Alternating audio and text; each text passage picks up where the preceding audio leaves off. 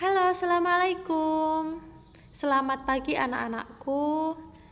Bagaimana kabarnya kalian? Baik, bukan? Nah, ketemu lagi dengan Bu Dewi. Seperti biasa, hari ini kita akan belajar melalui podcast, ya.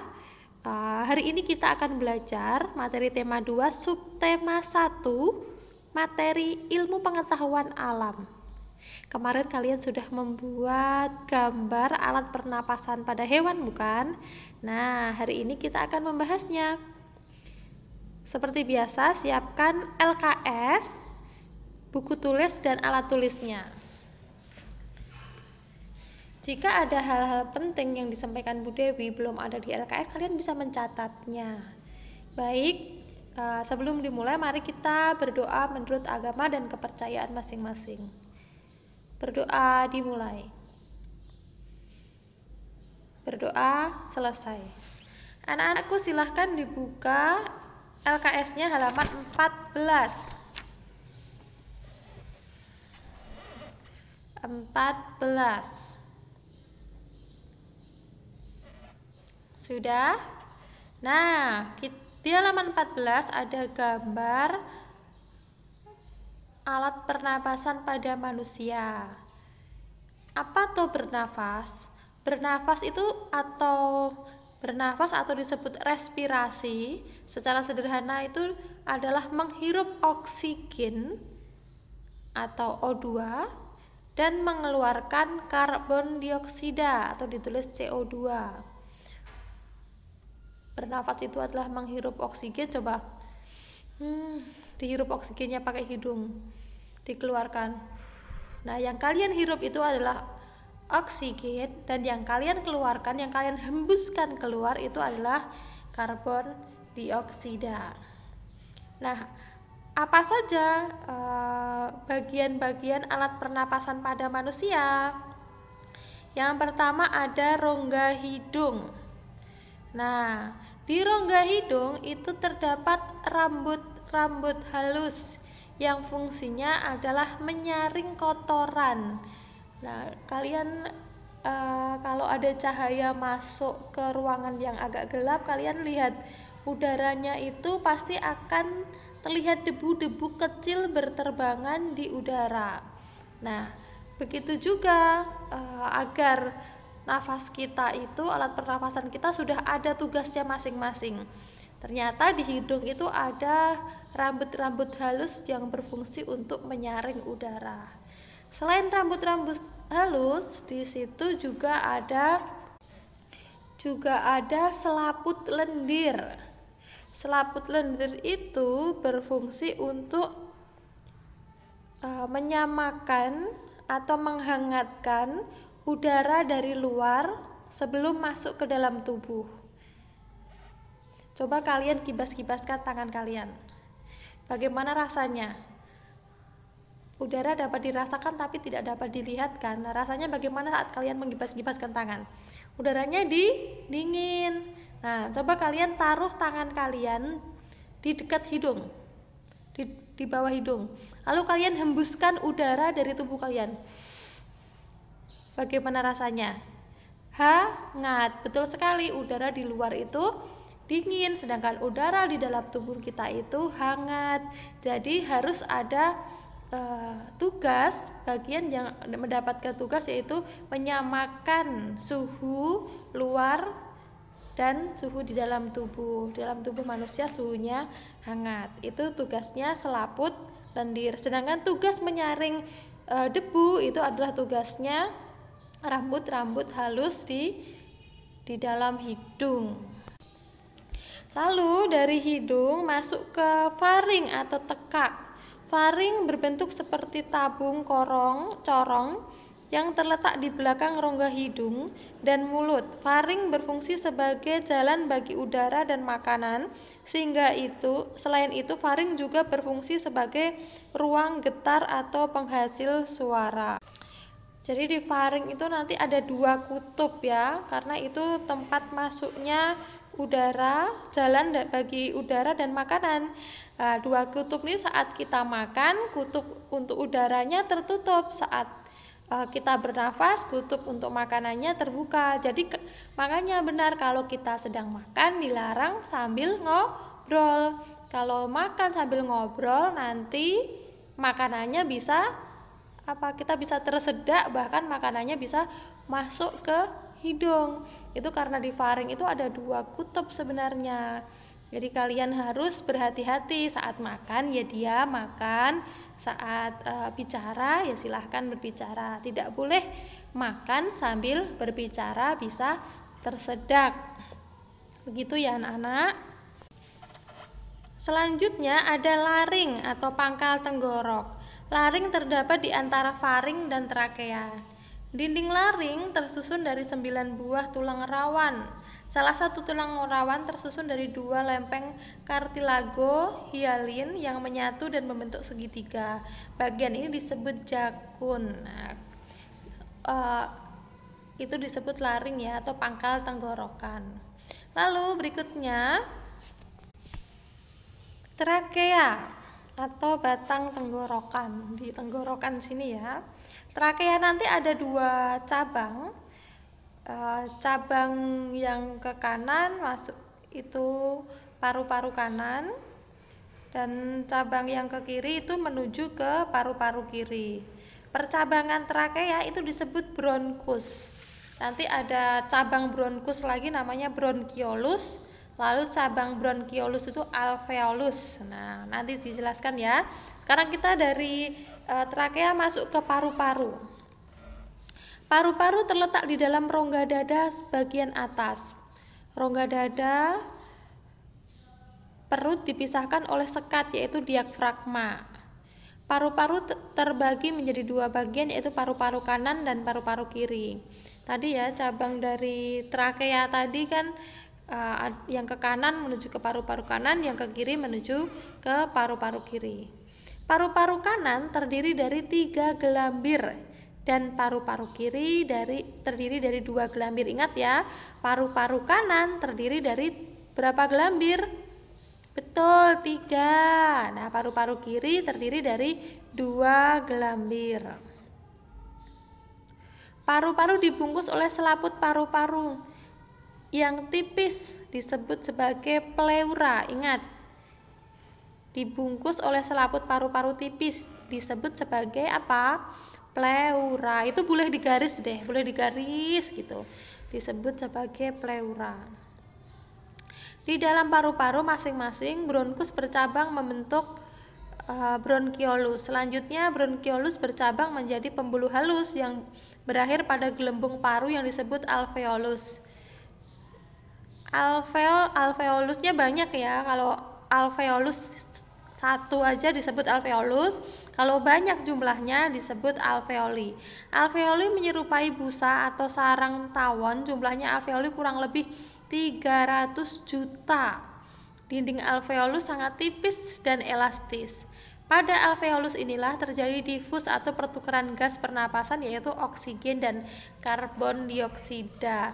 Jadi di alveolus nanti saat kita menarik nafas memasukkan udara lewat hidung, rongga hidung, lalu masuk ke faring, masuk ke lareng, ke trakea, dari, uh, dari trakea masuk ke bronkus, lalu disalurkan ke bronkiolus, dari bronkiolus masuk ke alveolus. Nah, di alveolus itu tempat bertukarnya oksigen dan karbon dioksida.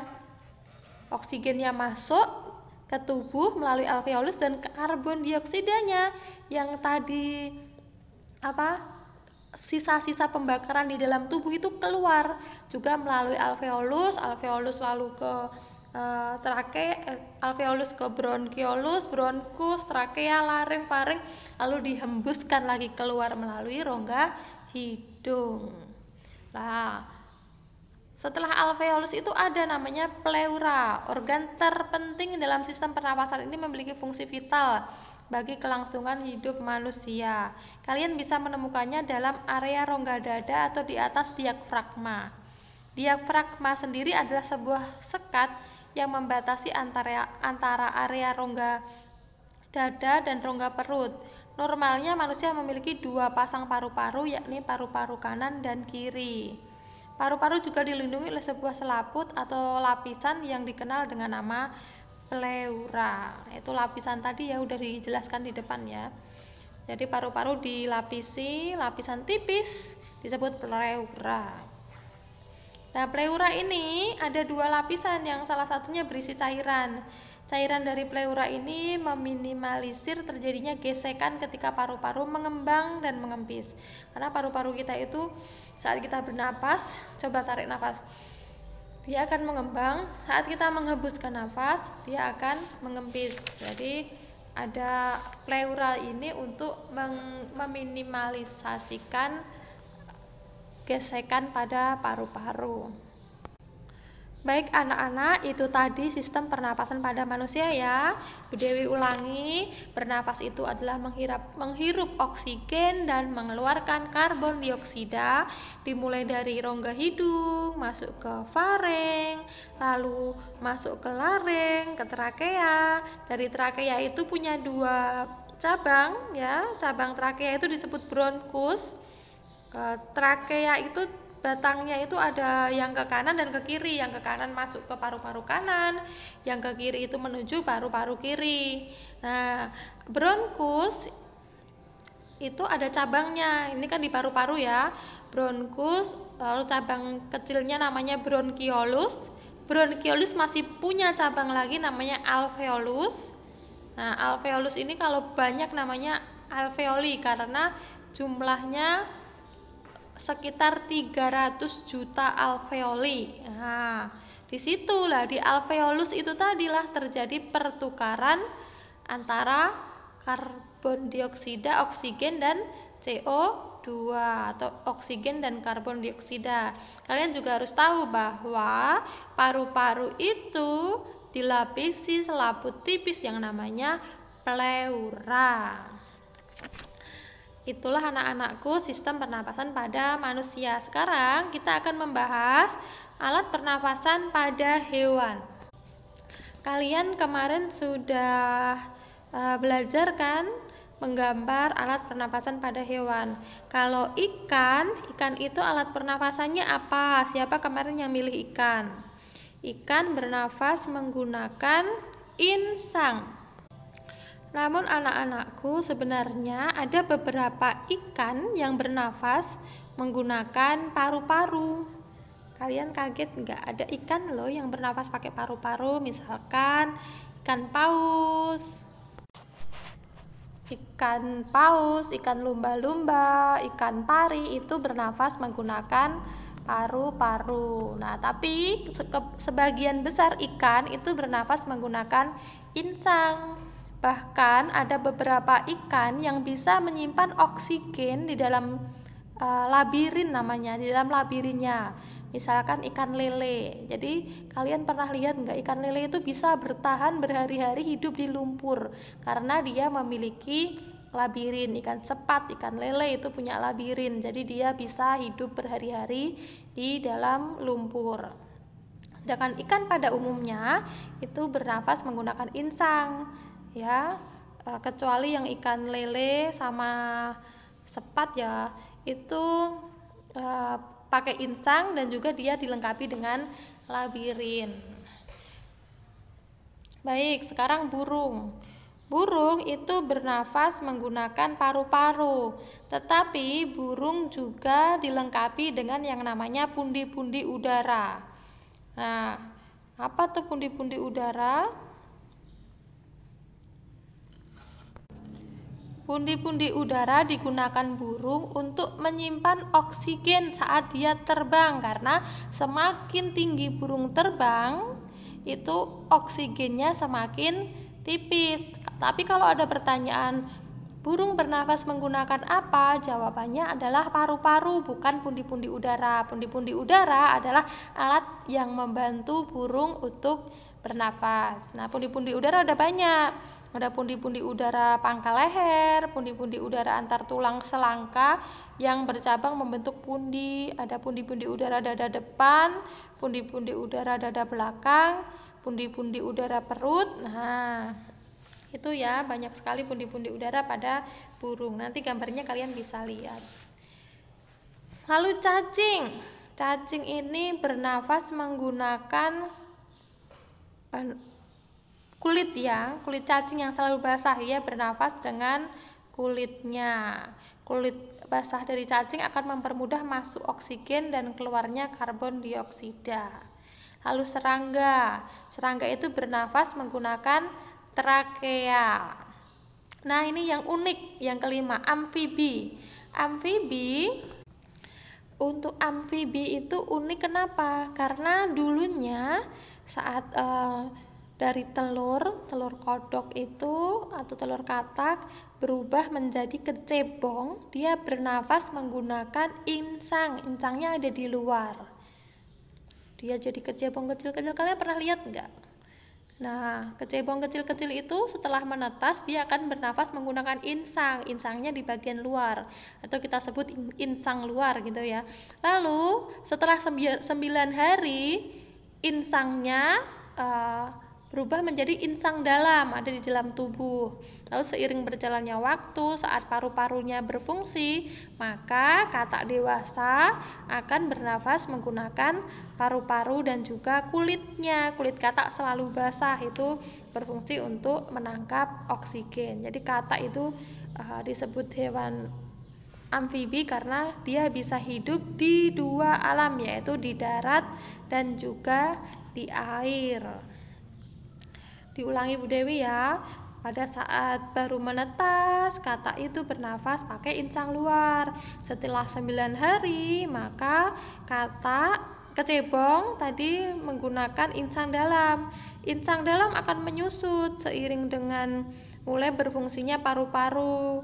Kemudian kata tumbuh menjadi kata dewasa. Kata dewasa bernafas menggunakan paru-paru dan juga kulitnya. Disebut hewan amfibi karena hidup di dua alam. Nah, ini yang disebutkan Bu Dewi tadi, mamalia. Hewan yang menyusui anaknya disebut mamalia. Mamalia adalah hewan di darat dan ada yang hidup di air. Nah, ada ternyata ada ikan yang mamalia.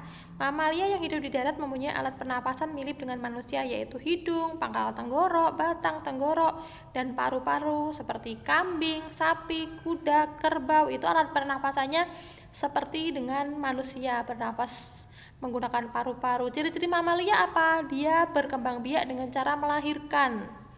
Dia juga menyusui. Untuk mamalia darat biasanya memiliki daun telinga. Yang punya daun telinga apa ya? Sapi, kambing, kelinci, kerbau, dan masih banyak lagi itu ciri-ciri hewan mamalia itu ber, bernafas menggunakan paru-paru. Tapi ada juga mamalia yang hidup di air, bernafasnya menggunakan paru-paru juga, tetapi pada hidupnya dilengkapi katup. Katup itu akan menutup pada saat menyelam dan akan terbuka pada saat muncul di permukaan air. Pada saat muncul di permukaan air, mamalia akan hidup di air di permukaan, maka dia akan mengambil oksigen. Mamalia hidup di air mengambil oksigen serta mengeluarkan karbon dioksida dan uap air. Contoh mamalia yang hidup di air ya paus, lumba-lumba, duyung. Itu ya. Jadi makanya kalau kita, kalau kita lihat di televisi itu kadang-kadang ada ikan lumba-lumba yang melompat-melompat dari dari laut uh, ke udara itu karena mereka sambil menghirup oksigen. Nah, saat mereka menyelam, katupnya tertutup biar tidak ada air yang masuk ke dalam paru-paru. Itu yang disebutkan Bu Dewi di depan tadi. Nah, yang ketujuh adalah reptil. Reptil itu adalah hewan melata. Ya, seperti merayap begitu. Nah, reptil ini juga bernafas menggunakan paru-paru. Baik anak-anakku, sekian pembelajaran pada hari ini. E, nanti akan Bu Dewi kirim kuis, kalian kerjakan seperti biasa ya. Semoga pembelajaran hari ini bermanfaat. Sekian, wassalamualaikum warahmatullahi wabarakatuh.